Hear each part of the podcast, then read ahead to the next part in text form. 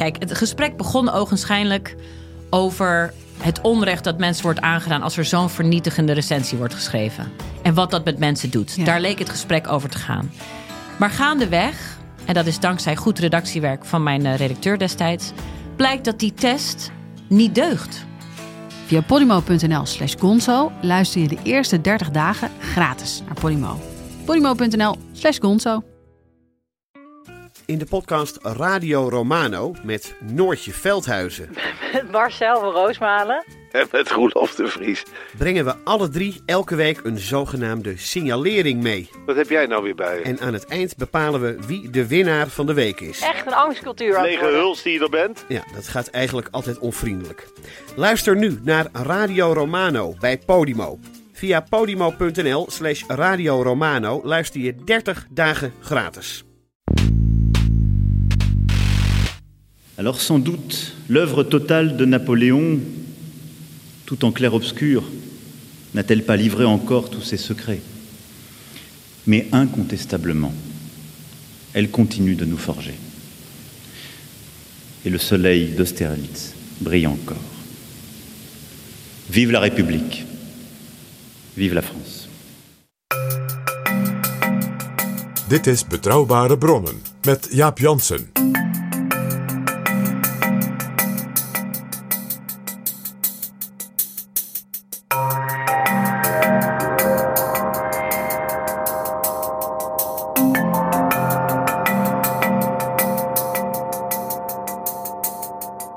Hallo, welkom in Betrouwbare Bronnen, aflevering 190. En welkom ook PG. Bonjour Jaap. PG, vorige week herdachten de Fransen, onder leiding van president Emmanuel Macron, dat het 200 jaar geleden is dat eenzaam op Sint Helena Napoleon Bonaparte overleed.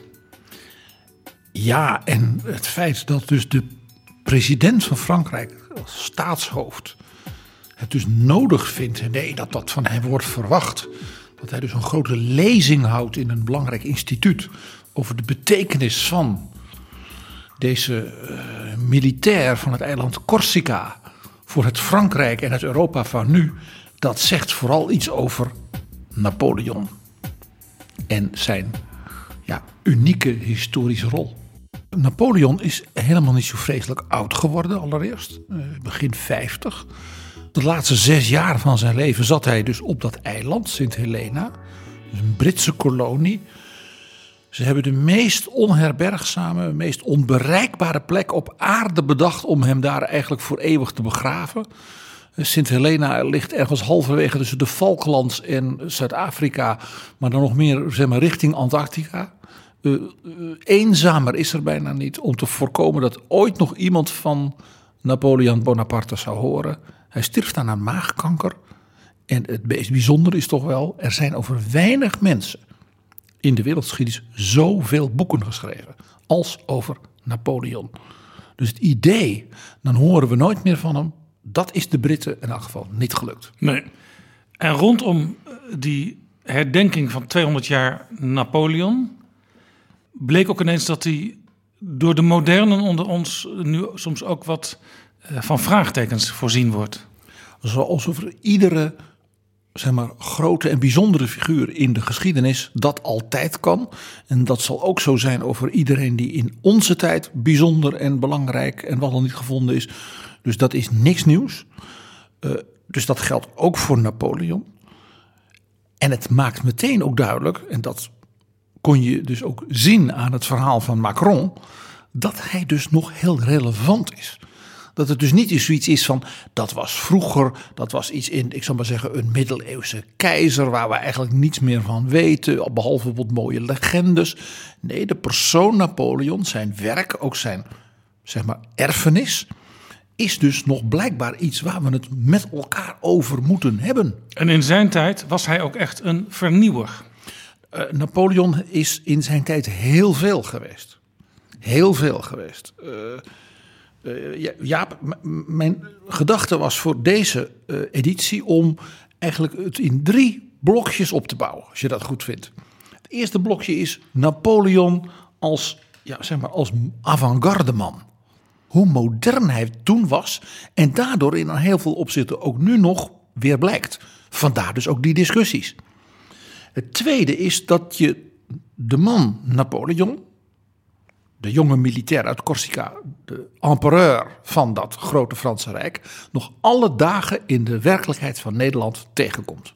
Het Europa, het Nederland van, van, van vandaag, is nog in heel veel opzichten direct te herleiden tot Napoleon Bonaparte.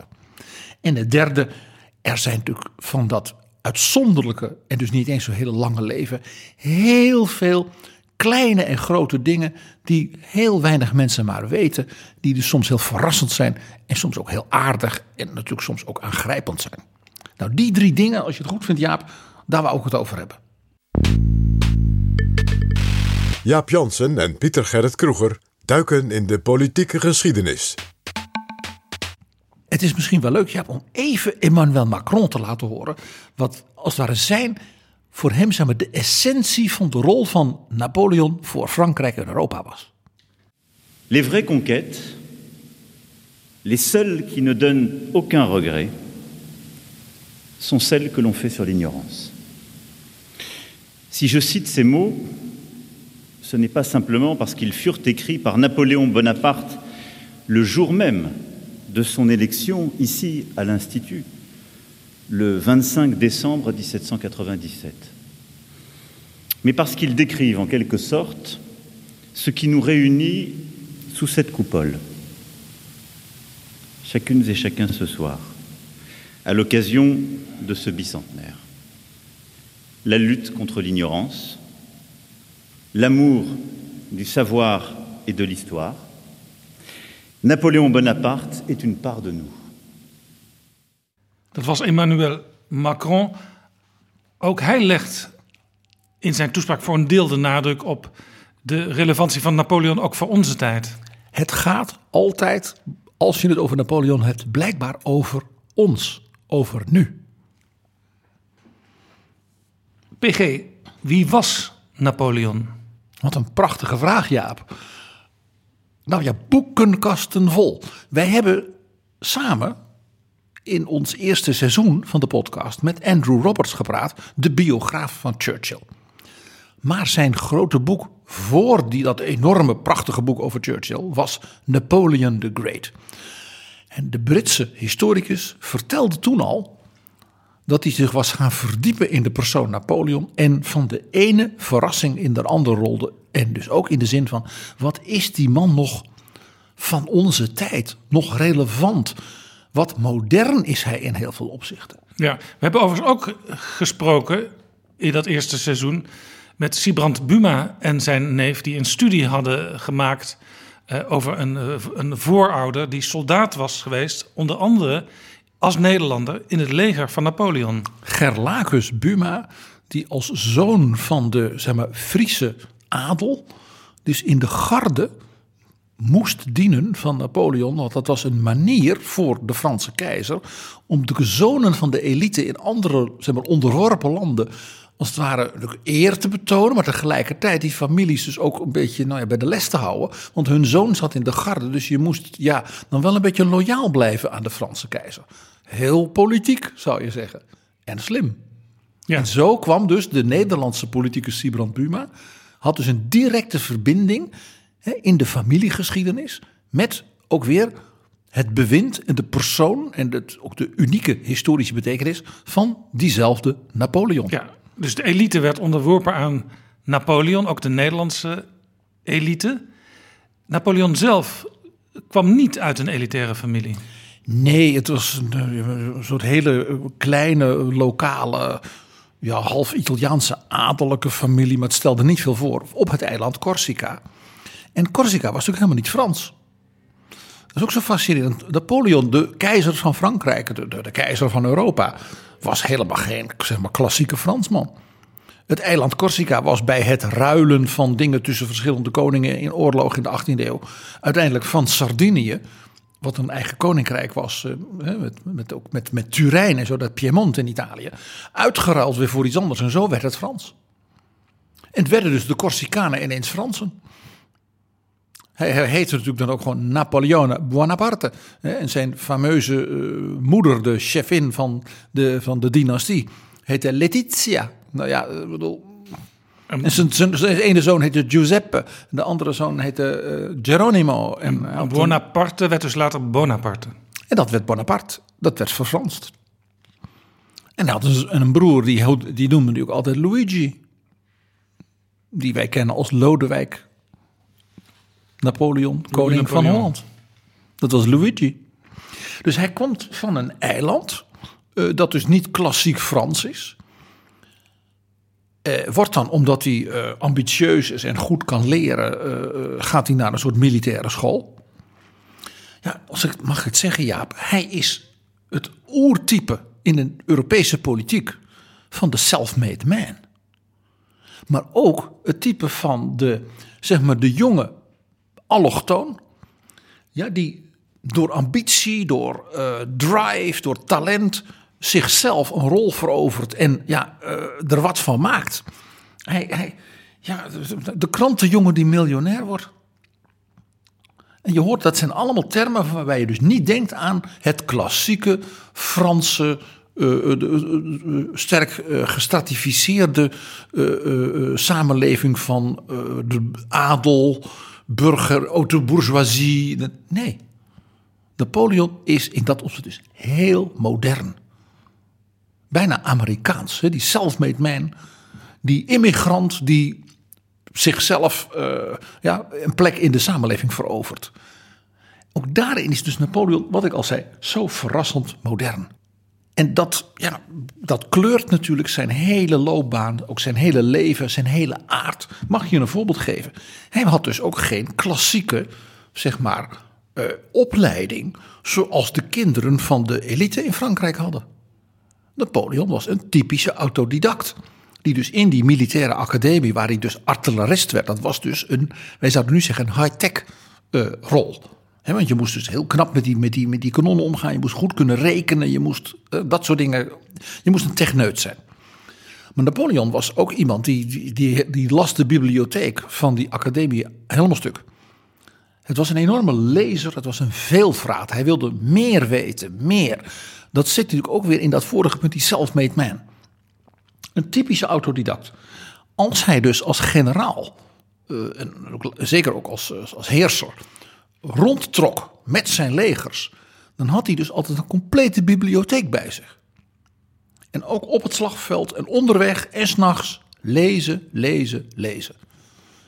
Een enorme, eh, ja, het was natuurlijk een man met een enorme drive. Een enorme energie eh, en, en, en, en ja, geldingsdrang natuurlijk. Want Ja. anders dan word je dat niet. Hij, hij was a young man in a hurry. Ja, zeker, zeker. Hij had altijd haast. En dat was ook altijd ook meteen een van de geheimen van zijn militaire succes. Was dat hij zo ongelooflijk manoeuvreerde, eh, tactisch eh, keek waar hij zijn leger inzette. Hele snelle eh, opmars. Hij, hij, hij haalde iedereen altijd in alle opzichten in. En was dat ook de reden dat hij ontdekt werd door zijn meerdere en dus steeds belangrijke positie kreeg? Hij heeft natuurlijk enorm geprofiteerd van, mag ik het zeggen, de revolutionaire geest van het Frankrijk van zijn tijd. Waarbij dus jonge militairen, als het ware, eh, eh, ja, de oude hap van de, de, de, de generaals van de koningen natuurlijk opzij zetten. Want dat waren allemaal ja, mensen van adel die dat waren omdat hun opa ook al generaal was. Dus dit en was bijvoorbeeld helemaal geen groot militair talent waren. Dit was eigenlijk de tijd waarin de meritocratie voor het eerst eh, een soort leidend principe werd eh, om mensen op een bepaalde plaats te zetten. Ja, twee dingen al eigenlijk tegelijkertijd die dus dit mogelijk maakten. Eén, eh, wie talent had, die dus, wie dus leiderschapstalent had, die militair talent had, die kon het als het ware overnemen. Gewoon, ja. En twee, er ontstond natuurlijk nog iets. En dat is de massa. De legers van de Franse Revolutie waren een armée populaire, een volksleger. Dus niet zoals de legers van de 18e eeuwse vorsten, eh, huurlingen met een generaal die je als het ware letterlijk dus inkocht met 5000 man. en die dan voor jou als een soort beroepsmilitair ging vechten. De Franse legers van de revolutie, dat waren legers van het volk. En men, kwam, men ging dus massaal bewapend. En ineens, ook door de technologie, kon men dus ineens uh, hele grote legers, hele grote campagnes voeren. En de jonge Napoleon als artillerist was dus een begaafd, uh, ja ook technologisch zouden wij nu zeggen, high-tech jongen. Die dus die nieuwste ontwikkelingen van hoe je de artillerie inzette als het ware uh, kon toepassen. En daardoor dus zo heel snel carrière kon maken. Dus een combinatie van inderdaad meritocratie en dus massificatie. Maar Napoleon kwam dus voort uit de Franse Revolutie. Ja, hij had uh, als jongen van dat eiland Corsica die loopbaan zeg maar nooit kunnen maken als hij niet precies van die generatie was van die jonge mensen in die revolutionaire tijd. En hij was daar dus ook een, daardoor een tijdgenoot van mensen waar wij het vaker over hebben gehad. De founding fathers in Amerika, die ook in feite zo'n revolutie en meritocratie in gang zetten. En natuurlijk van de, de jonge uh, schrijvers en denkers en filosofen en dichters uh, in Duitsland. Mensen als Schiller, mensen als Goethe. Nou, uh, de Tocqueville is natuurlijk een jong edelman, hè, direct aan het eind van de periode van Napoleon en de decennia daarna. Die generatie, daar was Napoleon natuurlijk in een aantal opzichten de nummer één van. De Franse Revolutie was natuurlijk van de woordencombinatie vrijheid, gelijkheid, broederschap. Was Napoleon ook een democraat? Uh, nee. Uh, iemand van die geldingsdrang is zelden een democraat. En hij was ook een militair. Dus hij was gewend uh, ja, in een hiërarchische omgeving te, te, te, te, opereren. Daar was hij dus ook heel goed in. Hij was dus een buitengewoon uh, scherp iemand die hij, hij, overzag als het ware. Want dat was een van de dingen die men zei. Hij overzag als het ware dat hele veld. Letterlijk en figuurlijk het hele slagveld. En was iemand die zei, daar moet dat gebeuren en jij moet dat doen. Wat wel opvallend van Napoleon was, was dat hij dus een... Het was wel een hele erge teamspeler voor zover iemand met, dat, met die geldingsdrang een teamspeler kan zijn. Hij had dus wel een hele groep ook jonge kerels om zich heen. Die eigenlijk net als hij zelf, als daar omhoog waren gekomen. Ook door hun, hun drive en hun vernuft. En dat was wel uh, uh, zeg maar een club. Hij was natuurlijk wel de nummer één. Maar het was dus wel in dat opzicht ook weer niet een. Zoals dus daarvoor, dat men op basis van, ik zeg maar, afkomst. En het feit dat je een hertog was, dan wel een markies, dan wel een prins dat je om die reden de baas was. En hij zag ook wel dat je het alleen niet afkon. Dat je mensen om je heen nodig hebt die ook van hoge kwaliteit waren. Ja, dat, was, dat is wel een goed punt. Uh, Napoleon uh, verzamelde uh, waar mogelijk hele goede mensen om zich heen. En dan maakte het hem ook niet zo vreselijk uit zeg maar, waar ze nou vandaan kwamen en wie ze waren om een idee te geven, een van zijn meest kenmerkende figuren was natuurlijk Talleyrand. Nou, Talleyrand was al een aartsbisschop in de tijd van de Bourbon-koningen. Heeft toen heel snel, toen de revolutie kwam, heeft hij gezegd: Ik stop met het celibaat. Dat was hij toch al niet zo goed in als bisschop ook. Uh, en werd toen uh, een belangrijk revolutionair. Werd dus minister van Buitenlandse Zaken. Werd dat ook weer onder Napoleon. Hij vertrouwde hem voor geen cent, daar was ook alle reden toe. Maar omdat hij dus zo'n briljant diplomaat en kenner van de buitenlandse politiek was, hield hij hem wel om zich heen. Maar bijvoorbeeld iemand als Joseph Fouché, dat was iemand uit het volk, zouden, we, zouden wij zeggen. Die was wel al die tijd zijn chef van de geheime dienst. Dus ook, hè, en die, dat was een berucht uh, zeg maar KGB-chef, uh, zouden wij nu zeggen. Uh, maar die werkte dus wel voor Napoleon. En Napoleon wist wat hij aan hem had. Dus dat is wel een van de opvallende dingen. Daar zit ook een element van die meritocratie wel weer in. Ja. Napoleon was ook iemand van veroveringsoorlogen. Zeker. Was hij daarmee ook een soort koloniaal denker? Nee, absoluut niet. Een van de meest interessante dingen is Napoleon dacht continentaal. En in dat opzicht dacht hij ook echt Europees. Uh, wat een beetje vanuit zijn achtergrond natuurlijk niet helemaal vreemd is. Als je de, de een jong en ambitieus militair bent in het Franse leger. Dat je dan denkt vanuit een Europees continentaal machtsidee. En dus zeker niet koloniaal Anglo-Saxisch en dergelijke. Een van de redenen waarom hij dus zo zijn best deed om bevriend te zijn en te blijven met de Verenigde Staten, was natuurlijk het anti-Britse. De Verenigde Staten was natuurlijk ontstaan uit een revolutie tegen de Britten, tegen het empire, tegen de, de Britse koning, die dus de Amerikanen ja, als onderdanen uh, onmondig uh, behandelde. En zij wilden natuurlijk juist mee kunnen praten. Een zekere ja, burgerlijke democratie, die de Fransen natuurlijk in belangrijke mate ook van de Amerikanen overnamen, dat ideaal.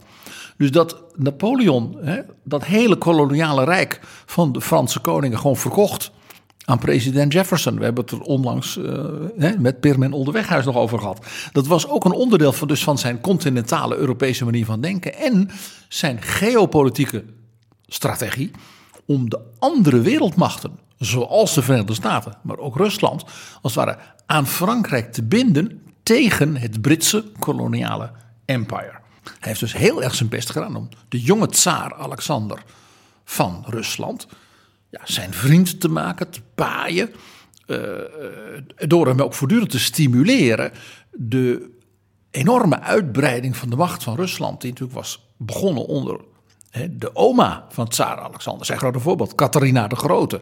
Om die uitbreiding voor te zetten richting dus het Midden-Oosten, richting Azië, oftewel richting waar ze de Britten lastig konden vallen. En de Britten dus een rivaal zouden krijgen. Ja, hij dacht dus strategisch op wereldniveau. Absoluut. Uh, met een term van nu zou je kunnen zeggen dat hij uh, een geopolitiek denker was. Dat was hij, absoluut ik vind altijd het beste voorbeeld. Wat deed de zeer jonge generaal Napoleon? Die ging met de Franse vloot en een heel leger naar Egypte. Dan zou je toch denken, je bent een Franse generaal, wat ga je doen? Je gaat in Egypte oorlog voeren. Want hij zei, kijk, als wij daar uh, uh, een soort Franse uh, machtsbasis kunnen ontwikkelen. En we kunnen daar de, de, de, de, de sultan verslaan wat we ook doen, is dat we de greep van de Britten op zeg maar, de Middellandse Zee, wat voor Frankrijk natuurlijk belangrijk was, en daarmee de greep van de Britten op de wereldzeeën ernstig ondermijnen. Ja, dan heb je wel een gedurfde geopolitieke visie. Dat je dus met een Frans leger ja, en de Franse vloot naar uh, Alexandrië vaart. Daar dan landt en dan met een leger ja, Egypte binnenrukt. En dat toch geweldige dat moment. Dan staat hij daar als jonge generaal met zijn troepen bij de piramiden, daar werd een veldslag geleverd. En dat hij dan zegt, soldaten, 40 eeuwen zin op u neer.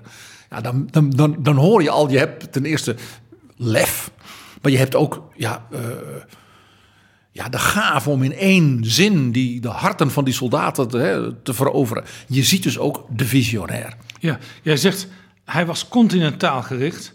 Dan zou je misschien ook kunnen zeggen, ja, waarom ging hij dan toch naar zo'n land als Egypte? Of had je gewoon eh, dat nodig eh, om handel te kunnen drijven? Je moest wel punten hebben in de wereld waar je een rol speelde. Nee, dat mercantiele dat is wel heel Hollands. Uh, zo keek hij daar niet naar. Het was echt vanuit een soort politiek machtsevenwicht. Van uh, als het ware een, een soort machtscentrum. Uh, op, op een plek waarmee je dus de, het Britse empire als het ware ondermijnt dat natuurlijk met zijn vloot de Middellandse Zee beheerste. En natuurlijk ook daarmee de routes natuurlijk naar Azië. Ja, nou dat is toch handel toch? Uiteindelijk? Ja, het was toch vooral ook de, zeg maar, dus het ondermijnen van het machtsevenwicht. Van, waardoor de Britten de wereld konden beheersen. Want je zou ook heel, heel makkelijk kunnen zeggen misschien wij doen het continent Europa, laat de Britten de rest van de wereld maar doen. Ja, dus zo was het dus niet. Zo was het dus niet. Vandaar dus ook zijn, hè, zijn pogingen, de vriendschap met president Jefferson, met de Amerikanen te houden. En natuurlijk ook de Russen aan te moedigen, als het ware, hè, de Britten in Azië en het Midden-Oosten lastig te vallen. Ja, jij zei hij was van de artillerie, dus hij was ook technologisch eh, bezig. Maar ja, de technologische ontwikkeling van het oorlog voeren die moest toen nog komen. Ja, wat, dat weten wij natuurlijk achteraf. Eh, de Britten hadden natuurlijk twee machtige wapens in dat opzicht. Dat was natuurlijk hun mercantiele en dus ook financiële macht in de wereld. Waardoor ze die oorlogen van tegen Napoleon konden ze dus financieren. Ze gaven dus de Russen, de Pruisen, eh, de Spanjaarden, Oostenrijk dus leningen eh, om ja, in feite overeind te blijven. En de Britten financierden daarmee natuurlijk ook de, de legers van Wellington en natuurlijk de vloot, hè, Nelson en dergelijke. Dus dat gaf de Britten als het ware een moderne machtsfactor, namelijk de financiële. En uh, tweede, de industriële revolutie die in aantocht was. Napoleon was in dat opzicht dus zijn tijd vooruit. Hij zag dus wel de komst van wat wij kennen, de massaoorlogen. Hè, dus ook met de Franse, hè, de armée populaire. Maar hij had nog niet zeg maar, de tools, de instrumenten die later in de 19e eeuw, denk met name dus ook aan de burgeroorlog in Amerika, uh, uh, het mogelijk maakte om het soort oorlogen en ook het soort legers te, ja, zeg maar, van instrumenten te voorzien.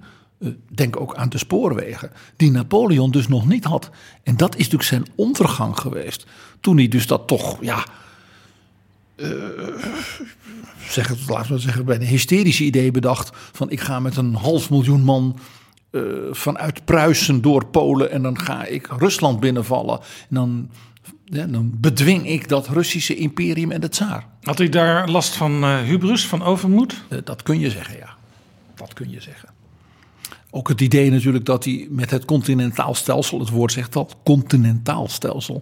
Van ik, de, ik ga alle handel van het Britse empire met het Europese continent lam leggen. Wat onder andere natuurlijk leidde tot een gigantische depressie, recessie voor de economie hier in de Nederlanden. En de Russen zeiden, ja, daar doen wij dus niet aan mee. Ja, officieel op papier wel, maar in werkelijkheid niet. En dat was de reden waarom ik zei, ja, kijk, als de Russen dus, als het puntje bepaaltje komt, mij niet helpen tegen het Britse imperium, ja, dan heb ik dus aan de Russen geen vriend die ik kan afleiden door expansie in Azië, maar dan heb ik een vijand. Als je heel kort zou moeten samenvatten wat eigenlijk het uh, levensdoel was van uh, Napoleon, de militair, de politicus, wat, wat was dat dan? Ja, dat was toch Frankrijk, zijn Frankrijk, de dominante continentale macht van Europa te maken. Hij dacht in dat opzicht, jij zei het al, geopolitiek en ik zeg dus ook nog Europees continentaal. En daarmee een de gelijkwaardige te maken van het Britse imperium. En dus ook een gelijkwaardige te maken van, want dat zag hij. Het was een visionair in het opzet van. Dus dat nieuwe Amerika, waarvan hij dus besefte dat wordt een wereldmacht. En ik help ze ook nog hè, met de verkoop van dat enorme Louisiana. En hij zag ook natuurlijk dat Rusland, sinds Catharina de Grote en haar kleinzonen Alexander en later Nicolaas een wereldmacht zou worden die ook in Europa dominant zou kunnen worden. En dat wilde hij natuurlijk niet, uiteindelijk. En hij, hij, was zelfs iemand, van hem is de beroemde uitspraak: Quand la Chine s'éveillera, als China ooit ontwaakt, dan zal de wereld op haar grondvesten sidderen. De man had dus wel een, ja, een wereldwijde blik. En een vooruitziende blik.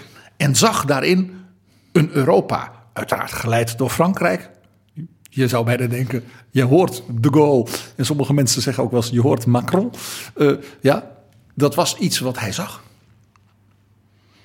Ja. Dat was, als je, als je het heel kort, je vroeg een korte samenvatting, dat was het toch wel.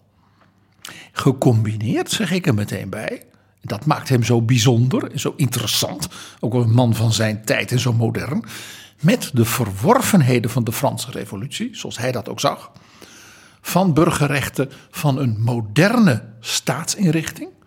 Natuurlijk wel onder leiding van Napoleon, maar toch ook een, met daarin dus burgerrechten en grondrechten zoals dus dat daarvoor in het ancien regime, het oude bewind, niet was geweest. Ja, want hij had dus eigenlijk onbegrensde geopolitieke ambities, maar hij moest tegelijkertijd zijn Franse volk, wat net die revolutie achter de rug had, uh, wat op papier allemaal heel mooi klonk, maar waar toch ook de, de, de chaos en de terreur uh, plaatsvond.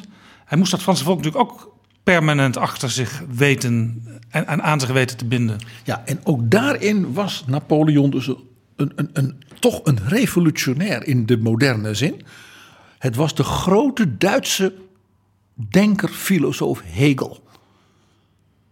Die Napoleon zei van het was de grote Duitse filosoof Hegel, die van Napoleon zei: hij is de vader van de moderne staat.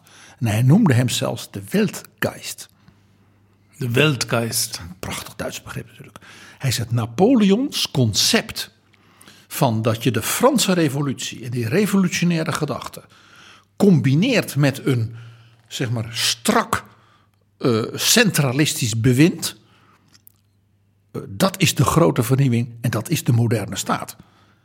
En in zekere zin, toen Napoleon zo vernietigend in Austerlitz en daarna in Jena en Auerstedt het Pruisische leger uh, hielp verslaan. En het Oostenrijkse en het Russische leger. En dus Pruisen zeg maar, aan stukken geslagen werd. Toen leidde dat natuurlijk tot een revolutie in Pruisen. Onder leiding van mensen als Freiherr von Stein, Wilhelm von Humboldt en dergelijke. Met dus de modernisering van de Pruisische staat. In feite in moderne zin. Waar Hegel dus een groot voorstander van was. En dat maakte natuurlijk later Pruisen en het Duitse keizerrijk tot dat machtige, uh, die machtige factor in Europa. Dus in dat opzicht had Hegel dat dus goed gezien, dat Napoleon op een bepaalde manier de stichter is ook van het moderne Pruisen en het moderne Duitsland. En daarom dat Andrew Roberts zijn boek, hè, na al zijn onderzoek daarnaar, Napoleon the Great noemde. Want hij zei: Ik ben, hoe dieper ik, mij, hoe dieper ik erin ging, raakte ik steeds meer onder de indruk van de man zijn grootsheid. Zijn visie, ook zijn verrassende moderniteit. En Andrew Roberts die vertelde ons ook dat hij zei: Ik kreeg natuurlijk in de recensies van iedereen natuurlijk op mijn falie. Dat vond hij natuurlijk prachtig. Ja, want je had het net al over de Britten en de Fransen stonden tegenover elkaar in de wereld.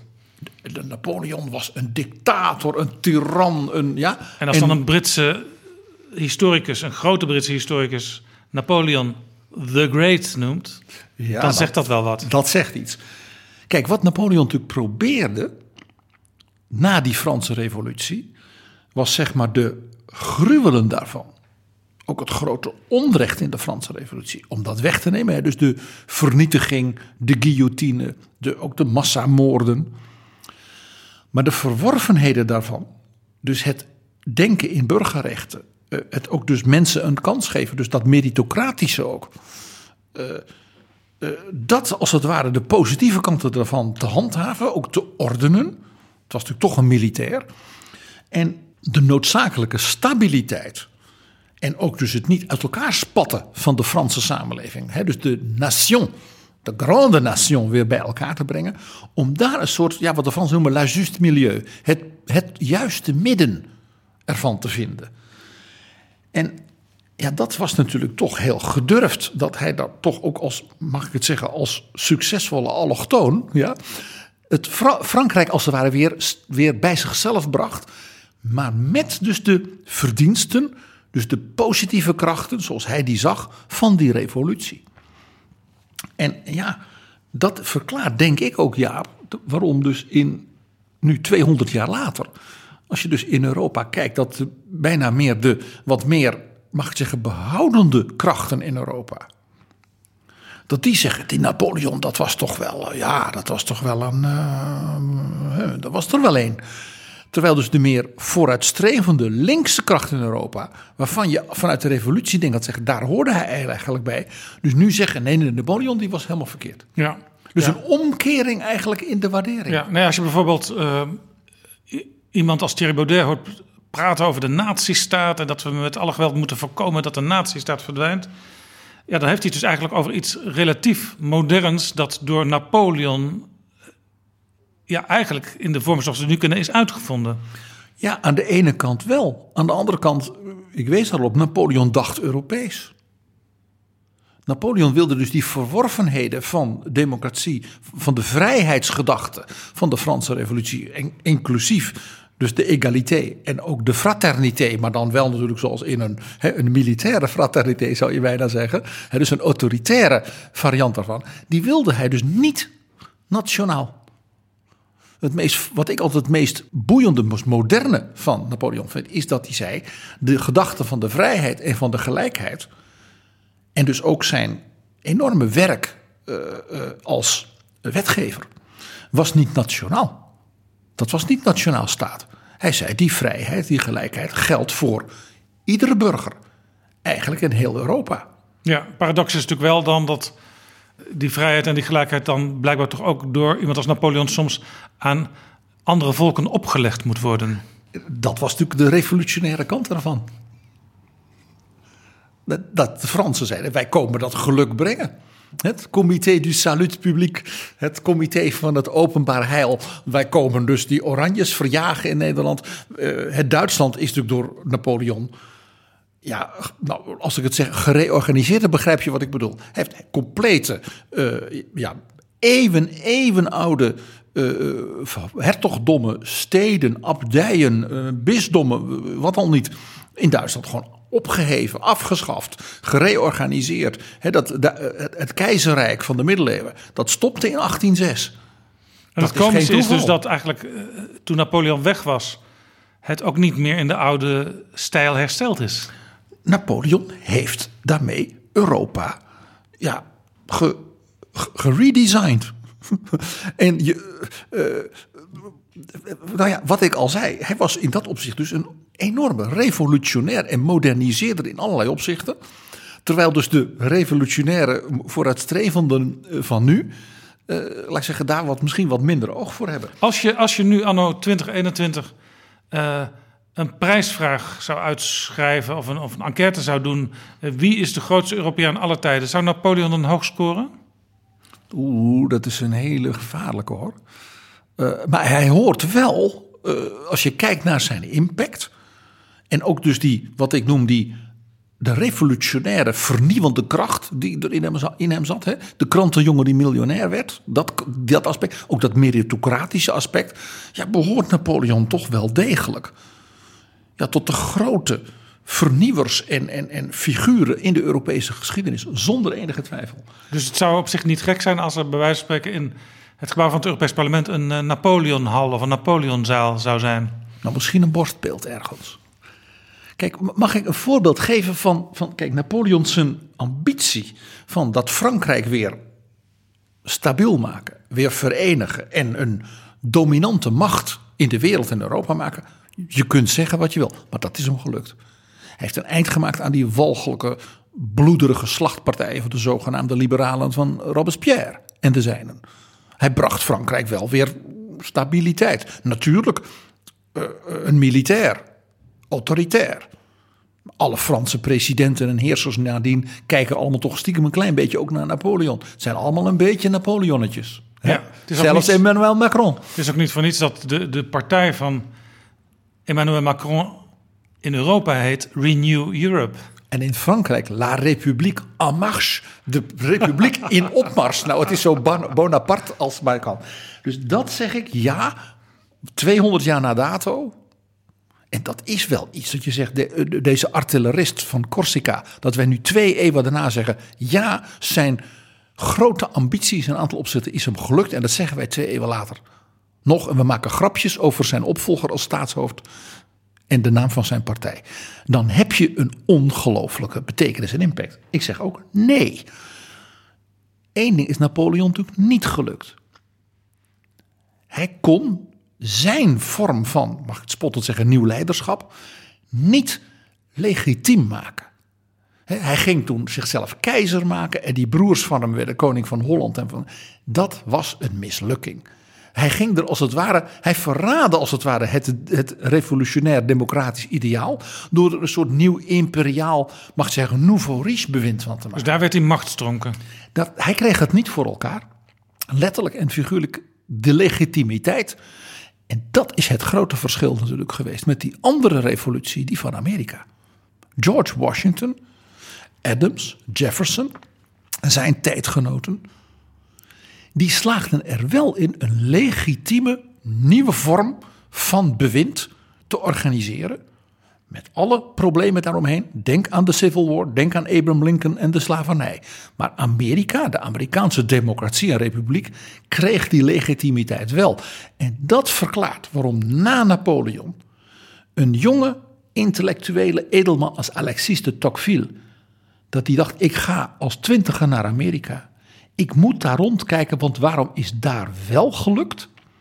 Wat bij ons, het moederland van de revolutie, en met Napoleon, de vader van de moderne staat volgens Hegel, niet is gelukt, maar in bloed is gesmoord.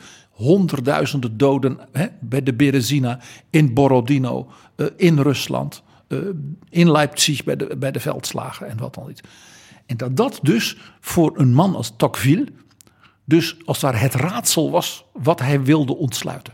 En, en, en toen Tocqueville dat allemaal had onderzocht, wat was toen zijn conclusie?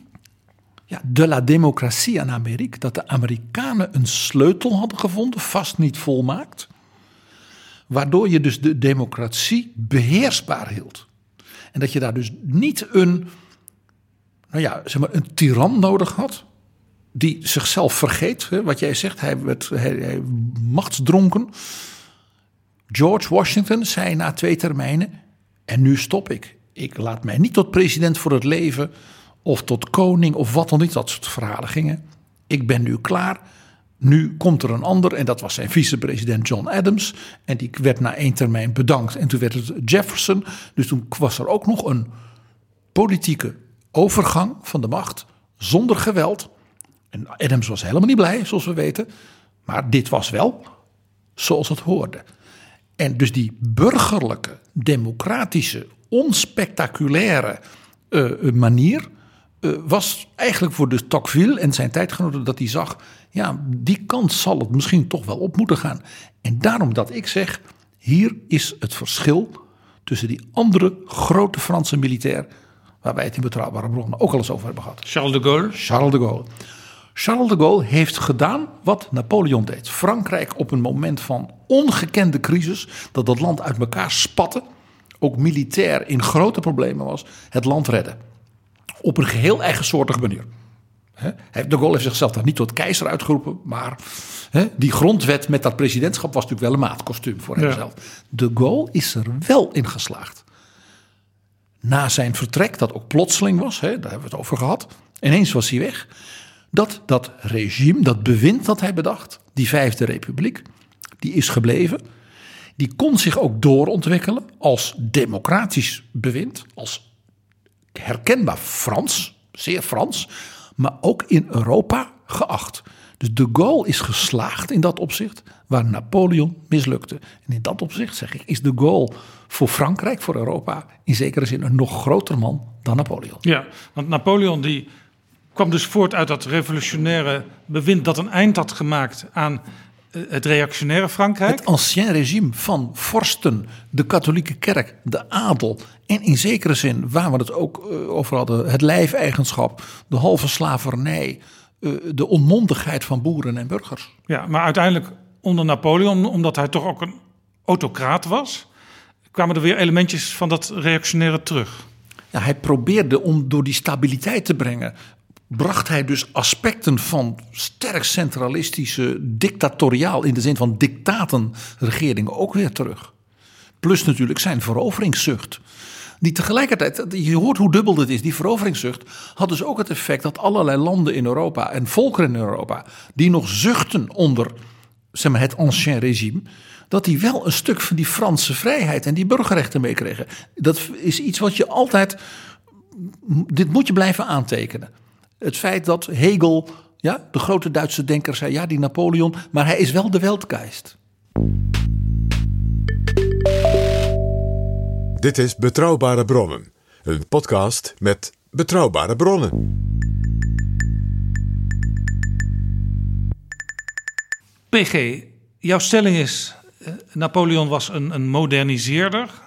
Hij vernieuwde Frankrijk, hij vernieuwde Europa rondom de verjaardag van Napoleon zei jij meteen tegen mij: we moeten het toch ook eens hebben over wat we vandaag de dag, eigenlijk nog elke dag, ook in Nederland kunnen aantreffen, wat er dankzij Napoleon gekomen is.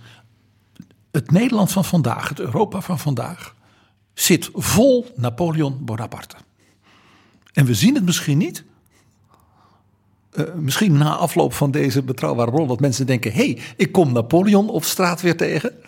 Dat zou heel mooi zijn. Mag ik gewoon eens één voorbeeld geven? Het feit dat we Nederland hebben als eenheidsstaat.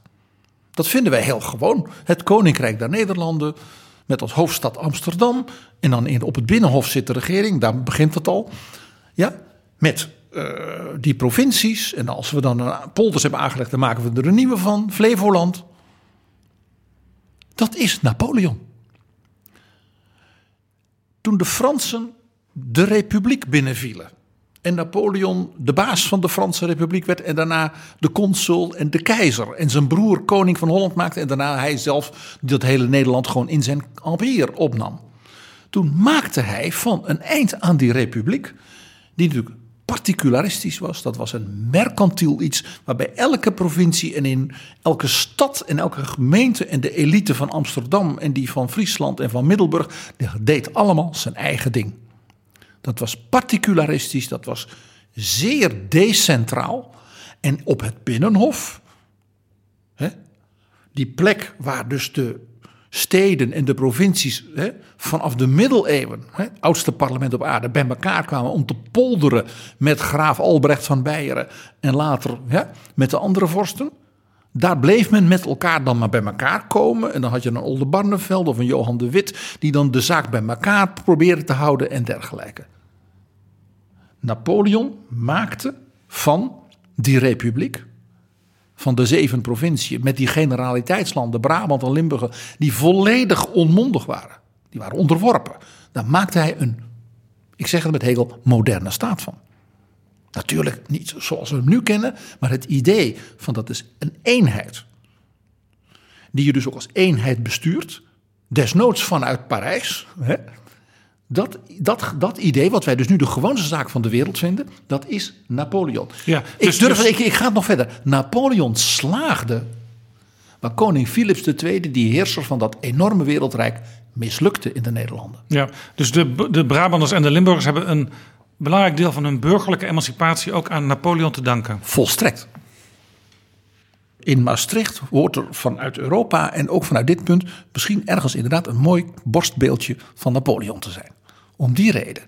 Inderdaad. Wat Thorbecke heeft gedaan. Hè, na dat intermezzo van koning Willem I, hè, die als een soort tsaar zelf ging regeren. En dan ook prompt België verspeelde. Wat Thorbecke heeft gedaan is in feite het invullen vanuit een meer Nederlandse, Hollandse manier van dat concept van die Franse keizer. Want wat deed Thorbecke? Die ging in dat, die, dat koninkrijk gestructureerd, heel Frans zou ik zeggen, een provinciewet, een gemeentewet. We gaan een onderwijshervorming doen, we gaan een nationale strategie voor infrastructuur, van snel, van, van spoorwegen, van kanalen, enzovoort, enzovoort. Het is zo Napoleon als je maar wilt. Thorbecke vulde in wat Napoleon ja, eh, in, in grandeur, in grote lijnen had gedaan. Napoleon kwam voort, PG, uit de Franse Revolutie. In Nederland hadden we natuurlijk ook eh, de Franse tijd met de Bataafse Republiek.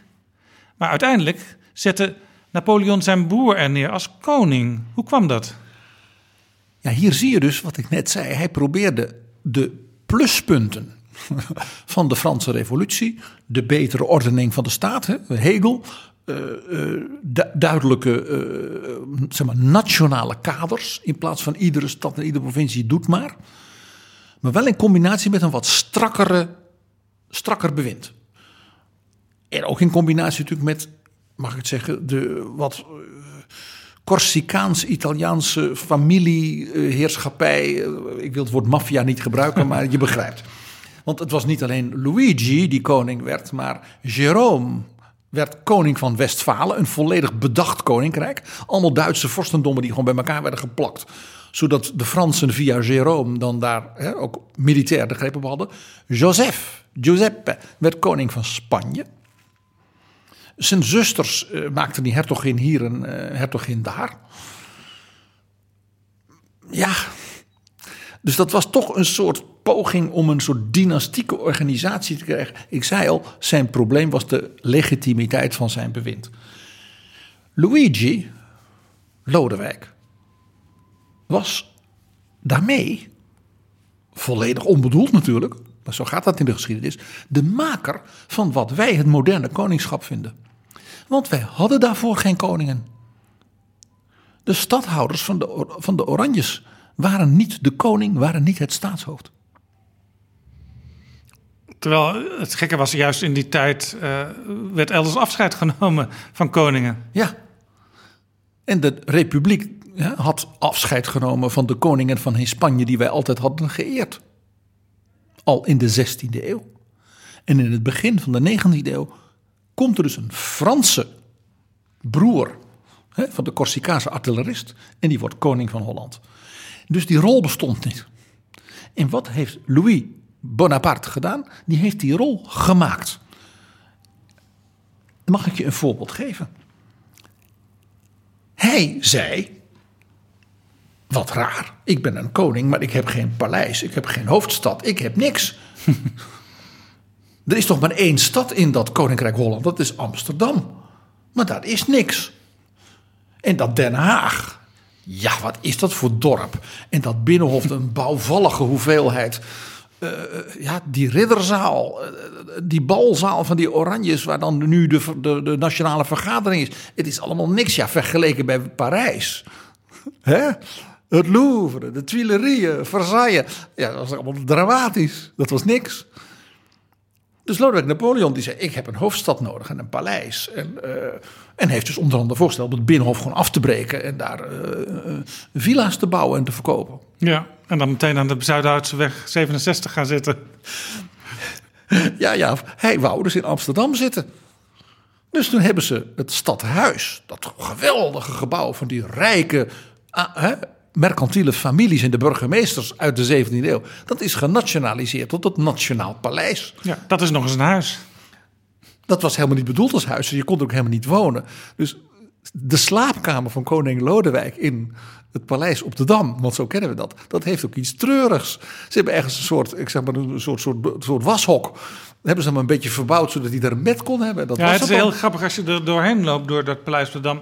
Het zijn eigenlijk vooral hele grote zalen, hallen bijna, waar je inderdaad hele mooie banketten kunt organiseren en zo.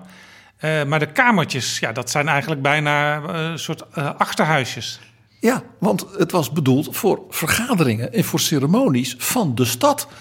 De burgemeester woonde er niet. De burgemeesterswoning in Amsterdam is iets anders. Herengracht. En die arme, arme Lodewijk Napoleon, die dus geen paleis had en geen hoofdstad, had nu een, een paleis, had een hoofdstad. En hij heeft dus ook een balkon laten bouwen aan de voorkant, zodat hij kon zwaaien en de, de, de défilé kon afnemen. Dat, dat, dat balkon, wat we zo kennen uit onze geschiedenis, is van koning Lodewijk Napoleon en niet van de Oranjes. Dus eigenlijk heeft ook dit Napoleon voor ons uitgevonden, de, de, de monarchie zoals we die nu kennen in Nederland. Sterker nog, ja, een van de meest bekende rollen van zeg maar, het vorstelijk staatshoofd in Nederland. Dat is de nationale trooster. Dat als er een ramp is, als er iets ergs gebeurd is, als er een krans moet worden gelegd, ja, dan doet de koning, de koningin dat. Of het nou de Bijlmerramp is, MH17, Juliana in haar kaplaarzen hè, bij de overstroming in Zeeland. Wie heeft dat bedacht? Lodewijk Napoleon. Heeft hij zelf bedacht? Heeft hij zelf bedacht. Want er gebeurde, toen was hij nog niet zo lang koning, een ongelooflijke ramp in de stad Leiden. Dus daar ontplofte het kruidhuis. En toen was Leiden in last? Leiden was letterlijk in last. Er waren heel veel doden. Een groot deel van de stad was verwoest. En ze konden de ontploffing in Den Haag horen. En men dacht natuurlijk, er is iets militairs. Er is iets, uh, hè? Dus, dus koning Lodewijk kreeg het bericht, nee. En toen is hij persoonlijk naar Leiden getrokken. En heeft daar min of meer de leiding overgenomen van de reddingsoperaties. Heeft mensen geholpen en wat dan niet. Dat maakte op de mensen van toen een verpletterende indruk. Daar werden natuurlijk heel veel, wij zouden zeggen, propagandaprenten van gemaakt. Dat was ook een geweldige PR. De koning was een mens, zouden wij zeggen. Hij leefde mee met de bevolking. Hij troostte de weduwe. Hij, hij knuffelde de wezen. Hij zorgde, hij gaf geld om mensen die alles kwijt waren te redden. Hij hielp het ziekenhuis. De koning was een goed mens met hart voor het volk. Dat hele idee bestond daarvoor niet. De koning als burger dus ook. En daarin dus weer de Franse revolutie. Hij was ook een citoyen. Hij leefde mee. Hij was dus in, op die manier in nood gelijk met die mensen, ook in hun leed. En keek wat hij daarvoor kon doen. Ja. Napoleon is de man van de eenheidsstaat. Uh, maar een staat moet iets weerspiegelen. Hoe doe je dat? Ook hier weer, Jaap. De republiek hè, van de Gouden Eeuw en, kende nauwelijks enige nationale instituties. Er waren geen centrale Nederlandse dingen. Als er oorlog gevoerd moest worden, De vloot van Michiel de Ruiter. Die bestond uit een optelsom van de schepen van de verschillende steden. En, ja, en dan werd het bij elkaar gevoegd en dan werd hij benoemd tot admiraal. Want er dreigde een oorlog. En zo, het leger onder leiding van de prins van Oranje bestond niet. Er was geen nationaal leger. Nationaal onderwijs? Echt niet. Was er een hoofdstad? Lodewijk Napoleon zei, er is niet een hoofdstad hier. Dus Napoleon, die ging dat Nederland, dat nieuwe, dat nieuwe format, naar Frans model ordenen. Dan moesten ze een beetje ordening worden gebracht. Ook wel een beetje typisch de generaal, hoor je nu weer. Dus die zei, er zijn dingen die heeft een natie nodig, los van de persoon van de vorst. En dat is weer heel modern. Dat zijn wat wij nu zeggen grote instituties die als het ware het lot, de identiteit, de lange termijnstrategie, ook de continuïteit van zo'n eenheidsstaat weerspiegelen. Dus aan wat hebben, wat hebben wij bijvoorbeeld te danken aan Napoleon en aan zijn broer? Het Rijksmuseum. Het idee dat er een Musée National is. Het Louvre met al zijn schilderijen. Nou, en dan zoiets ook in Amsterdam dus. De Koninklijke Academie van Wetenschappen. Die in 2008 zijn 200-jarig bestaan vierde. De hele wetenschap de wereld was in Amsterdam. 2008, inderdaad. Een uitvinding van Lodewijk Napoleon. Eh, denk ook aan wat ik al noemde, dat Amsterdam de hoofdstad werd. En tijdelijk dus nog die balzaal van de Oranjes als vergaderplek werd gehanteerd. Dat dat nadien zo bleef, ja, dat kon Napoleon ook niet weten. Maar het feit dat we dat hebben, die hoofdstad Amsterdam en dat regeringscentrum Den Haag, is een effect van Napoleon. Denk ook eens aan het hele idee dat je dus een nationaal onderwijs hebt dat vanuit het centrum moet worden geregeld, ondersteund. Dat leraren ook niet in dienst zijn van de kerkelijke gemeente of van een familie, maar in dienst van de overheid. En dus ook een curriculum met verstandige dingen voor ieder kind. Want ieder kind moet burger worden, citoyen. En moet dus op dezelfde manier ook dezelfde nationale boodschap meekrijgen. Ja, zodat je dus ook intellectueel niveau met elkaar kunt communiceren. En dat gold voor ieder kind. En dat organiseer je dus nationaal. Nou, dat is natuurlijk uh, ontstaan inderdaad in het Franse systeem. De grote invloed hier is natuurlijk geweest de onderwijshervormingen van Wilhelm van Humboldt in Pruisen. Het Humboldtiaanse onderwijsmodel, om maar zo te zeggen. Het Bildungsideaal. Dat natuurlijk in de rest van de 19e eeuw in heel Europa en daarna in de hele wereld natuurlijk de, uh, de basis werd. Maar de gedachte daaronder van Humboldt was natuurlijk een antwoord op de Franse Revolutie en op Napoleon. En het idee dat je jaarlijks een nationale feestdag hebt. Als symbool van de natie. Dat bestond in de Republiek niet. Er wordt nu ook wel eens gezegd in Nederland, dat hebben we eigenlijk nog steeds niet. Want de 5e mei, onze bevrijdingsdag, is geen vaste nationale vrije dag. Dat is weer zo heel Hollands. Dan willen we een dag betaald niet hoeven werken. Ja. De nationale feestdag van het Koninkrijk der Nederlanden was natuurlijk heel lang helemaal niet 5 mei. En ook niet de verjaardag van de koningin. Dat was 18 juni. En jij weet wat voor dag dat was. Waterloo. De dag dat Napoleon werd verslagen. Dus zelfs in de, het moment van die nationale feestdag, wat dus een typisch Napoleontisch idee is, van die nationale identiteit. Is bepaald op het moment dat Napoleon definitief er niet meer was. En dus was hij er. Want hij was de aanleiding voor dat feest. Het hele idee van die, van die nationale feestdag was dus ondenkbaar zonder de persoon Napoleon Bonaparte.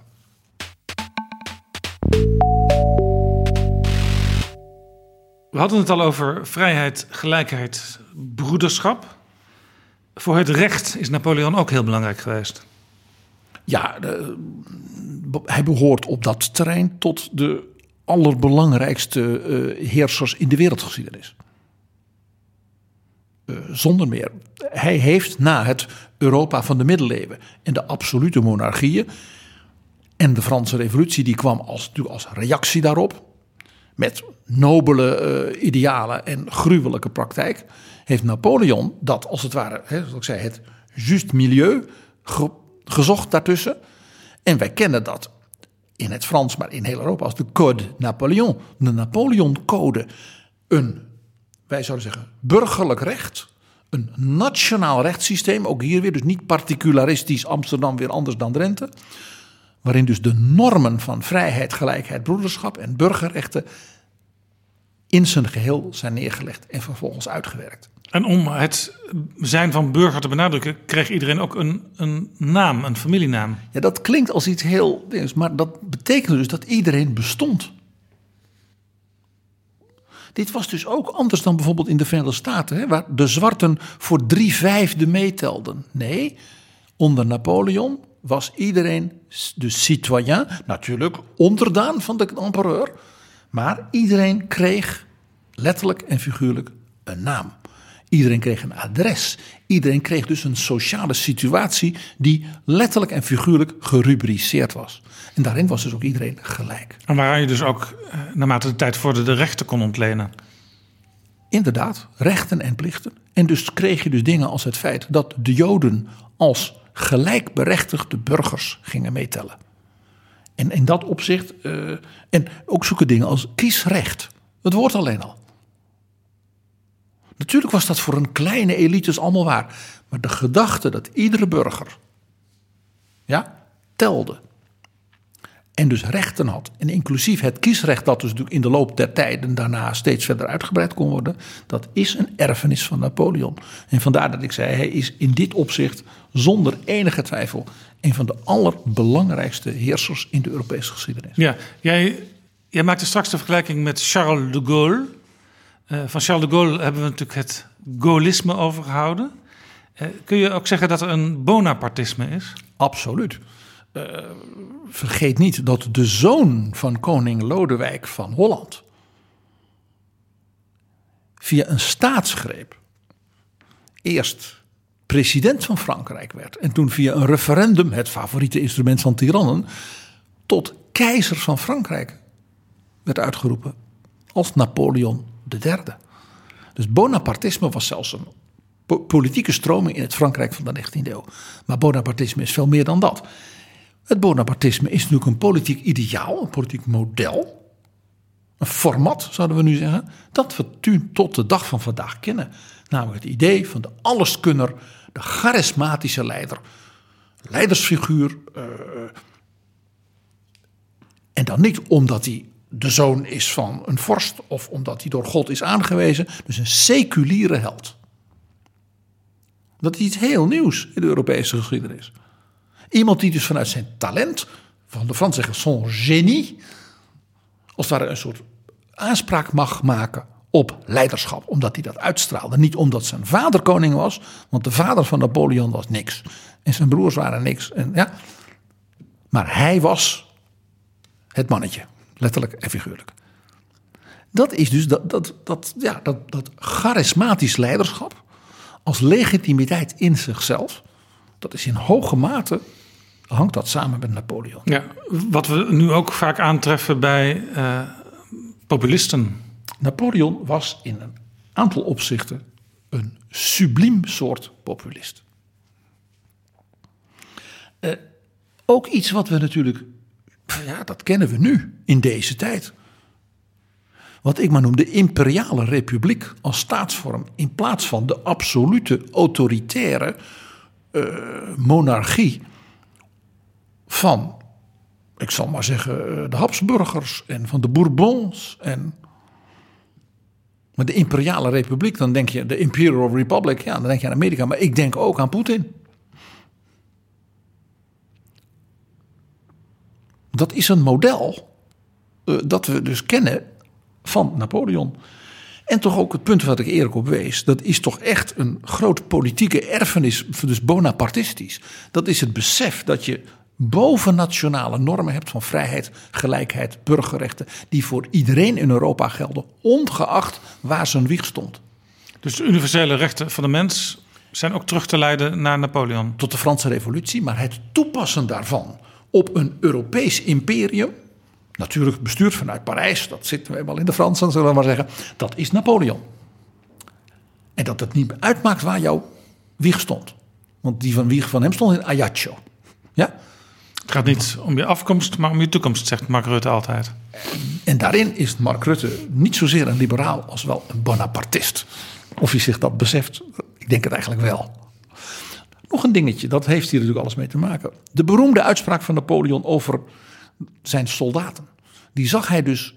Natuurlijk liet hij ze sneuvelen bij, bij bosjes. Dat, het was geen menslievendheid. Maar hij zei al dat iedere soldaat heeft de maarschalkstaf in zijn ransel. Wat hij daarmee bedoelde was, elke soldaat heeft in zich het vermogen tot heldendom, tot de beslissende ingreep doen door dapperheid of door inzicht. En dan verdient hij ook zijn beloning, zijn Légion d'honneur.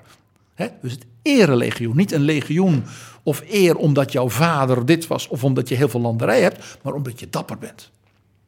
dus ook hier weer dat genie, dat charisma. En hij zei, elke soldaat heeft dat in zich.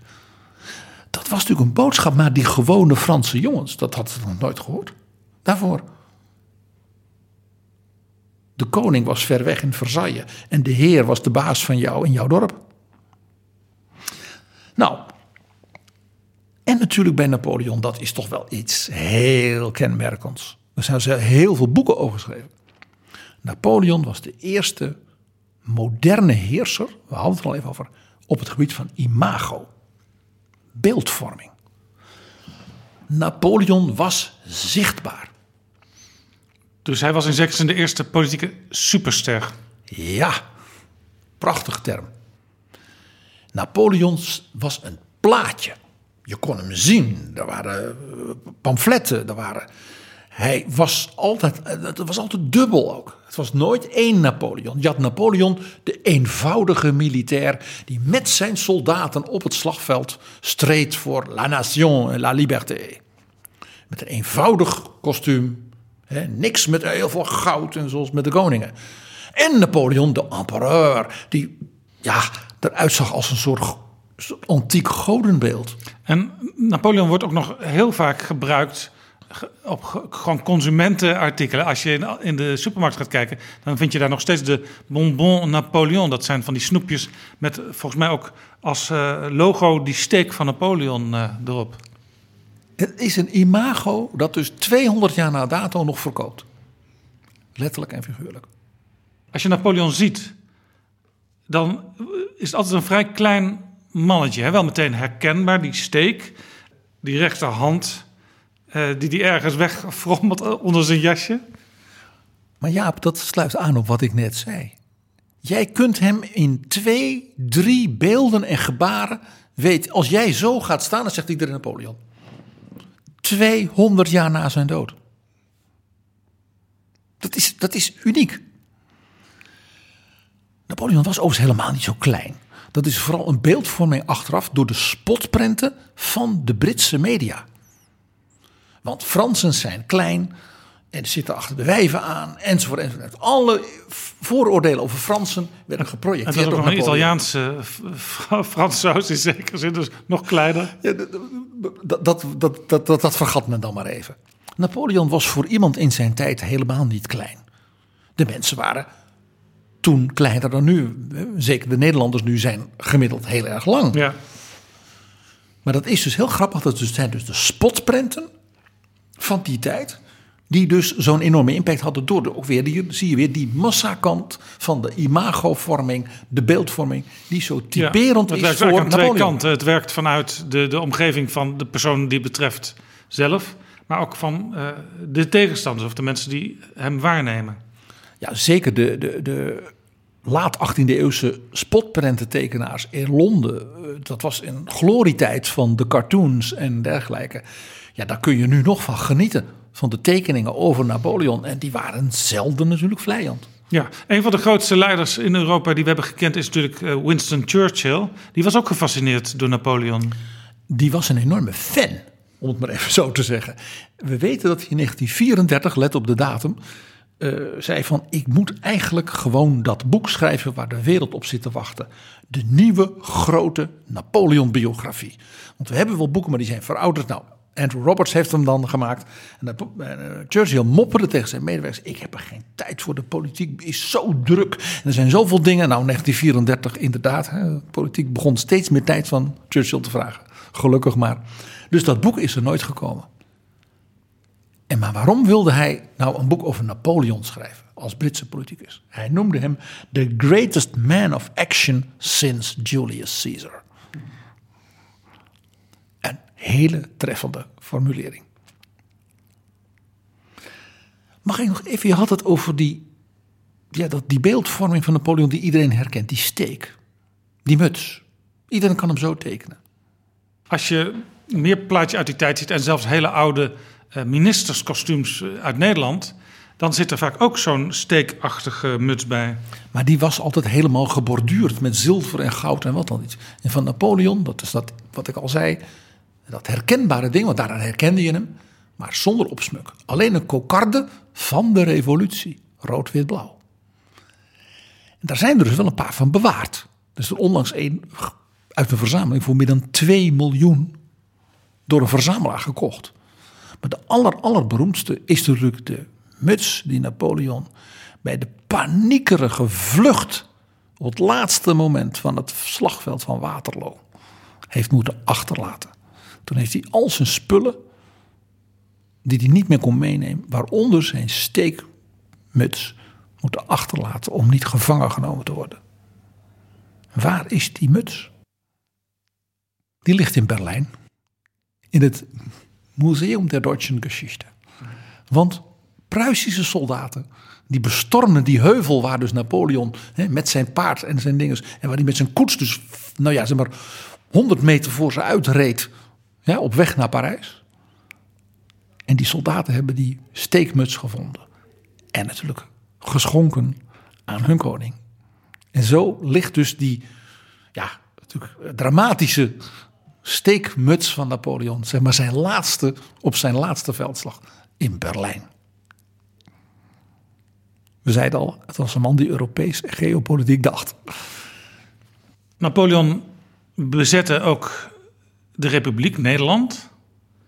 Uh, uiteindelijk werd zijn, zijn broer koning. En uiteindelijk greep hij maar het hele land uh, bij het, het, Rijk wat vanuit Parijs bestuurd werd. Dacht u nog wel eens aan de Oranjes die daar ooit uh, heer en meester geweest waren? Ja, dat is wel een beetje een zielig verhaal, Jaap. Kijk, de Oranjes zijn natuurlijk gevlucht voor de patriotten en de Franse troepen naar Engeland. Uiteindelijk zijn ze in Berlijn terechtgekomen, want Wilhelmina van Pruisen was toen de prinses van Oranje, een zeer krachtige persoonlijkheid. En is dus bij haar familie in Berlijn gaan wonen. en Napoleon heeft bij het zeg maar, volledig herorganiseren van het Duitse Rijk. Uh, een aantal problemen meteen opgelost die er nog hebben. Weet je, een vuiltje wat je hier en daar moest wegwerken. En een daarvan was dat het, de familie van Oranje-Nassau uh, zei: Ja, ons is natuurlijk die republiek en die, dat stadhouderschap afgepakt. Dus wij willen, het zijn echte Hollanders, hè, compensatie. nou, in uh, 1805, 1806 uh, reorganiseerde Napoleon Duitsland. En wat hij onder andere deed, was hij heeft alle kerkelijke bezittingen in Duitsland, dat heette geseculariseerd. Hij vond het bespottelijk dat grote delen van Duitsland werden geregeerd door aartsbisdommen, door bisschoppen, door kloosters. Uh, dus hij zei tegen de Duitse vorsten: U kunt die landerijen krijgen. Die ging je dus uitdelen aan hem welgevallige vorsten. Heel slim. En bracht het ook bij elkaar. Dus zo kreeg je het koninkrijk Beieren, het koninkrijk Württemberg, het koninkrijk Westfalen voor zijn broer Jerome. Zelfs dat werd gereorganiseerd. Allemaal gereorganiseerd. Eén groot en rijk bisdom was het bisdom Fulda in het midden van Duitsland. En dat heeft hij aangeboden aan de Oranjes. Want dan hebben jullie je compensatie, kunnen jullie weer ergens regeren. Maar dan wil dat gezeur over die, die, die, dat Nederland, dat is nu van ons. Dat is strategisch zo belangrijk en toch rijk. De Oranjes vonden dat prima. Dus Napoleon deed ook nog aan nazorg. Dit aan nazorg, prachtig, ja. Uh, dat is waar de Oranjes natuurlijk vandaag de dag niet zo graag aan herinnert. Fulda werd dus geregeerd door Willem Frederik, erfprins van Oranje-Nassau, die wij later als koning Willem I kennen. Er was één klein probleempje. Uh, Fulda was zeg maar 98% zeer katholiek. Want dat was dus zeg maar tien eeuwen lang geregeerd geweest door de aartsbisschop. Ja, niet bepaald de religie van de Oranjes. Nee, de Oranjes waren van alles, maar niet rooms-katholiek. Dus hij had uh, iemand nodig in Rome, die als zeg maar, ambassadeur van dus de nieuwe heerser in Fulda alle aanspraken en je begrijpt wel, nou ja, klachten en gedoe en het HRM van de bisschop met de paus in Rome moest regelen. Dus daar had hij een zeer goede onderhandelaar en diplomaat voor nodig. En die had hij niet. Maar de Pruisische familie in Berlijn wist wel iemand. En die heeft toen voor de Oranjes zeg maar, dat allemaal afgehandeld. En dat is iemand die, wiens naam al eerder viel. En die wij ook kennen uit betrouwbare bronnen. Wilhelm von Humboldt. Aha. De grote onderwijsvernieuwer. De vriend van Goethe. Enzovoort, enzovoort, enzovoort. En Alexander van Humboldt uh, kende Napoleon ook goed. Ja, zijn jongere broer, de grote ontdekkingsreiziger, geleerde, nou ja, universeel genie van de Duitse geschiedenis, die kende Napoleon heel goed. Want Alexander van Humboldt woonde en werkte heel veel vanuit Parijs. En die kwamen elkaar dus tegen in wat in Parijs heet de salon. Dus bij uh, uh, Madame de Staël en uh, Josephine de Beauharnais, de vrouw van Napoleon, die hadden allemaal een salon waar dus dichters en denkers en filosofen en kunstenaars en politici en dus ook Napoleon zelf kwam. En wie daar natuurlijk kwam als ster, was de ontdekkingsreiziger en universeel genie Alexander van Humboldt. Ja, veel gevraagd spreker. Een veel gevraagd spreker, populair. had altijd weer nieuwe verhalen, had weer nieuwe dingen ontdekt, had ook de hele wereld bereisd. Napoleon haatte Alexander van Humboldt. Waarom? Uh, nou, uh, Alexander van Humboldt was uh, natuurlijk een zeer onafhankelijke denker, zullen we maar zeggen. En die liet dus openlijk blijken dat hij de, de koers van Napoleon naar meer zeg maar, autoritair bewind, dat hij dat niks vond. Alexander van Humboldt, ik heb het al eens over gehad, was eigenlijk een hele linkse democraat. Hij was een, echt een aanhanger van de Franse revolutie. Hij was ook daarom ook zo goed bevriend met president Jefferson van Amerika. Voor hem was dat het ideaal. Dus Napoleon had zoiets van: wie denkt die Duitse edelman wel dat hij is? Hij mij een beetje als daar zit uit te leggen dat ik. Hè, politiek, zeg maar, een autoritair bewind terugbreng. En daar kwam nog iets. Napoleon wantrouwde Alexander van Humboldt, want hij zei: hij zal wel spioneren voor de koning van Pruisen, want is hij, van, daar komt hij vandaan. En er was nog iets. Hij is homo. Dus die is niet te vertrouwen, die vent. Dus hij heeft hem een keer in zo'n salon openlijk dus bedreigd. Van we weten jou wel te vinden, vriend. Want ik verdenk jou ervan dat jij de, wat hier besproken wordt in die salons doorbrieft naar de geheime dienst. En toen heeft Van Humboldt gedacht, misschien moet ik maar eens verhuizen. Dus Alexander Humboldt is uit Parijs, waar hij woonde, waar hij ook zijn, uh, zijn vriend had en waar hij heel veel vrienden had, dus weggetrokken uit angst voor het feit dat hij door Napoleon zou worden opgepakt. Dat is toch een verhaal, dat, uh, dat hoor je niet zo vaak. Twee van de grote geesten van zijn tijd, hè, Hegel zou zeggen, Weltgeist, dat die zo nou ja, met elkaar omgingen. Je, je, vertelde helemaal aan het begin van dit gesprek, PG, dat Napoleon ook op het slagveld een, een, een kist met boeken meezeulde. En hij was een groot bewonderaar en een enorm kenner van het werk van die grote vriend van Alexander van Humboldt, Johann Wolfgang von Goethe. Hij had alles gelezen.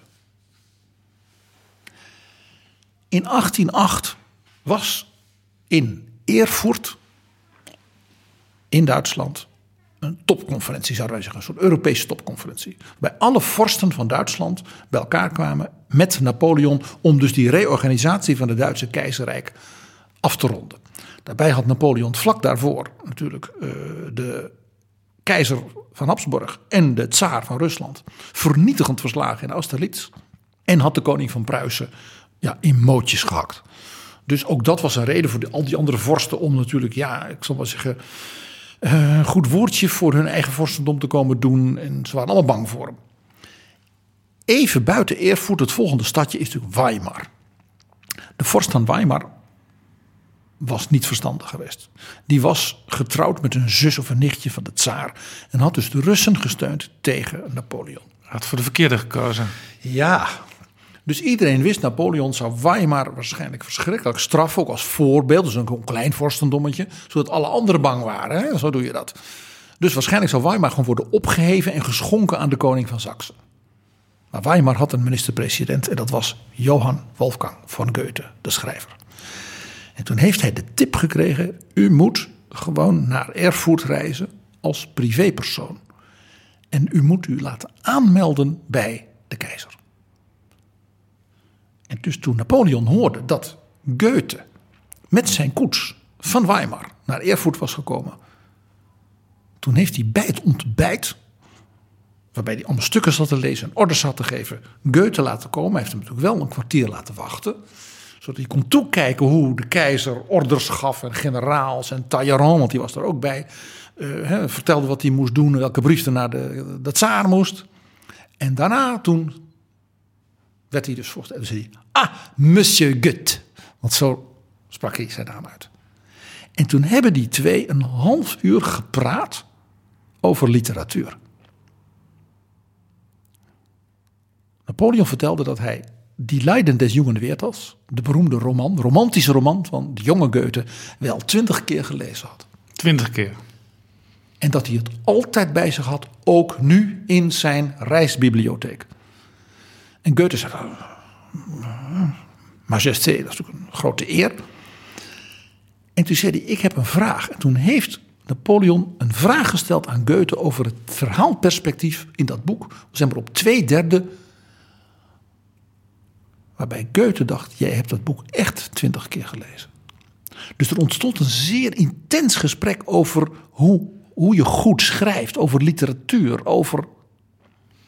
Dus die twee hadden elkaar gevonden? Ja. Het enige wat hij toen nog heeft gezegd, dat weten we uit brieven van Goethe, dat hij zei: Uw heer, dus de hertog van Weimar, is een hele domme jongen. En waarop Goethe heeft gezegd: uh, Majesteit, ik ben natuurlijk zijn minister-president, ik ben, zijn dienaar. Maar ik hoop dat u. En toen heeft hij een weggebaar gemaakt van wegwezen. Toen heeft hij gezegd: Majesteit. En toen liep Goethe weg. En toen heeft Napoleon tegen zijn omgeving gezegd: dat weten we van Talleyrand. Voici un homme. Kijk, dat is een vent. Dus er was iets positiefs gebeurd. Ja. In de dagen daarna was in Erfurt voor al die vorsten natuurlijk waren er feesten. En ontvangsten en bal. Maar Napoleon hield niet zo van feesten en bal. Het was geen danser. Napoleon hield van literatuur. Dus die heeft toen laten regelen dat Goethe zeg maar, die week wel vier, vijf toneelavonden organiseerde. Waar hij ook zelf de regie voerde. Dat deed hij ook. Met dus stukken van Shakespeare en dit en dan dat. Daar genoot Napoleon van. En ergens op een van die avonden heeft hij Goethe als het ware achter het toneel nog een keer kort gesproken. En toen laten blijken dat hij had besloten het hertogdom Weimar niet op te heffen. En dat deed hij dus als gebaar van zeg maar, de fan Napoleon. Die dus dat deed als eerbewijs aan Johann Wolfgang van Goethe.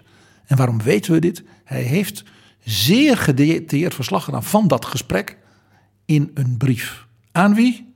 Aan Wilhelm von Humboldt, zijn vriend in Berlijn. Voici un homme. Kijk, dat is een vent. PG, de afgelopen weken verschenen er in de kranten artikelen eh, met als hoofdvraag: kun je Napoleon in deze tijd eigenlijk nog wel eren? Was het niet eigenlijk ook in veel opzichten een foute man? En dan wordt er bijvoorbeeld uh, gezegd: ja, hij was niet heel erg uh, waarderend voor vrouwen. Hij heeft de slavernij die was afgeschaft weer ingevoerd. In de Caribische. Uh, Jij zei net nog eventjes van als hij iemand kopje kleiner wilde maken, dan zei hij dat is een homo. Kortom, er zijn vanuit het perspectief van 2021 allerlei redenen om hem niet te eren. Is dat terecht? Jaap, ik ben daar als historicus altijd heel voorzichtig in. Er zijn heel veel mensen die je in 2021 ook niet hoeft te eren. En Napoleon is niet meer onder ons. En Hij kan zich niet verdedigen. De, de, ook dat. Maar je moet natuurlijk altijd zulke mensen zien, zoals dat heet, in hun tijd. En aan iedereen kleeft wel iets. En aan grote geesten en grote mensen kleven vaak ook grote dingen. Maar Napoleon blijft natuurlijk niet voor niks iemand waarover meer bibliotheken vol zijn geschreven dan over heel weinig andere mensen. Het blijft natuurlijk fascinerend. Voici een homme. We kunnen in ieder geval vaststellen, hij is er geweest. Ja, en, en Napoleon is natuurlijk ook een operaheld, Jaap. Dat, jij voelde hem al aankomen. Een operaheld? Ja. Het zal toch niet PG? Ja. Hij speelt een hoofdrol in een hele opmerkelijke Russische opera van de 20e eeuw. Geschreven in de Tweede Wereldoorlog in de tijd van Stalin. De Russische componist Sergei Prokofjev die wilde iets doen om bij Stalin nog meer in het gevlei te komen. En die bedacht dat hij een opera ging schrijven naar de roman Oorlog en Vrede van Tolstoy. Nou is die roman al 1200 bladzijden dik, dus hoe je daar een opera uitschrijft, dat is nogal een wonder. Dus het verhaal werd ingekort tot een, nou ja, wel hele lange avond. En Prokofjev, die politiek extreem naïef was, dacht dat Stalin dat prachtig zou vinden. Napoleon rukt op in Rusland, wordt verslagen. En dat was dus een symbolische herhaling natuurlijk van het bewind en de triomf van Stalin. Nou, Stalin dacht daar een beetje anders over. Want Stalin dacht, ja, wat, wat zegt dit? Napoleon heeft Moskou ingenomen. Rusland is in feite militair toen verslagen. Moest alweer terug. Stalin wilde niet dat er werd herinnerd aan het feit dat Hitler bijna ook Moskou had ingenomen door de vele fouten die Stalin had gemaakt. Dus de arme Prokofjev die kreeg dan uit het Kremlin van de bekende opera-kenner en liefhebber Stalin voortdurend aanwijzingen. Ja, dat is mooi dat u dat doet, maar de persoon Napoleon in de opera beviel Stalin niet. Die werd te veel een Europese, verstandige, rationele, briljante man. Conform de roman van Tolstoy. Hij moest meer op Hitler lijken. Dus er moest een scène in dat hij een woedeaanval kreeg. Er moest een scène in dat hij wreed was. Er moest En die arme Prokofjev kreeg dus altijd weer opdrachten uit het Kremlin. En merkte dus dat die opera op die manier nooit af zou komen. En het allerergste was. Generaal Kutuzov, dus de generaal namens de tsaar. Die moest veel meer een oudere man, een held, bezorgd om de gewone Rus die het met het leger samen Napoleon uiteindelijk verdreef. En toen drong het natuurlijk Prokofjev door. Kutuzov moest het zelfbeeld van Stalin gaan vormen. Het is met die opera dan ook niet goed afgelopen. Het stuk is e- één keer ongeveer uitgevoerd. Daarna door Stalin min of meer verboden. We hebben het al eens eerder gehad over Stalin en de opera. En pas veel later is het stuk als het ware nog een keer herzien. En die versie wordt nu nog wel eens uitgevoerd. Dus Napoleon als operaheld is alweer dus ook in die omstreden kant van hem. Hoe moet je nou naar hem kijken? Waarbij de tiran Stalin er behoefte aan had hem vooral op Hitler te laten lijken. Ja, het sloeg dus eigenlijk nergens op. Het was eigenlijk een postmodern toneelstuk geworden. Dat is een hele goede interpretatie, Jaap. Er is eigenlijk een heel ander muziekstuk rond Napoleon. Dat is veel beroemder en ook veel kleurrijker en lang niet zo knap, overigens, als die opera, want het is wel een hele mooie opera. Maar natuurlijk veel dramatischer. En dus de ouverture 1812, die ook over de oorlog en de verwoesting van Moskou en de overwinning van de Russen gaat. Van Tchaikovsky. Van Tchaikovsky. En zullen we daar dan mee eindigen, Jaap?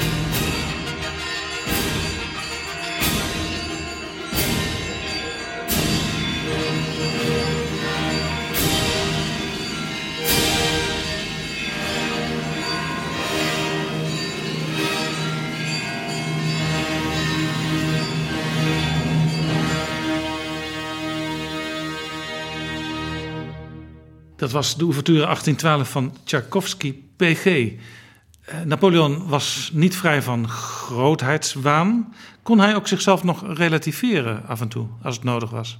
Napoleon wist natuurlijk donders goed letterlijk waar hij vandaan kwam. Van Corsica, uit die nou ja, Italiaanse familie waar, met al die broers die die koningen maakten. En wij weten dat hij in 1804 in de Notre-Dame in Parijs tot keizer werd gekroond. Waarbij hij zichzelf kroonde, hoewel de paus daar zat. Hij wou dat niet de paus laten doen. En hij heeft natuurlijk zelf, dat is ook dat beroemde schilderij van David, hè, Josephine de Beauharnais, tot hè, imperatrice van Frankrijk gekroond. En toen heeft hij tegen zijn broer Joseph gefluisterd. Stel je toch voor dat papa ons nu zou zien. Dankjewel, PG.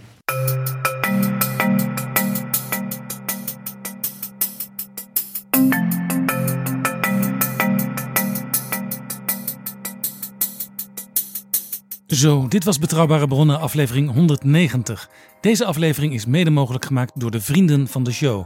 Wil jij ook vriend worden en ons steunen met een donatie? Ga dan naar vriendvandeshow.nl/slash bb. En in de beschrijving staat deze link ook nog een keer vermeld. Tot volgende keer. Betrouwbare Bronnen wordt gemaakt door Jaap Jansen in samenwerking met dag en nacht.nl.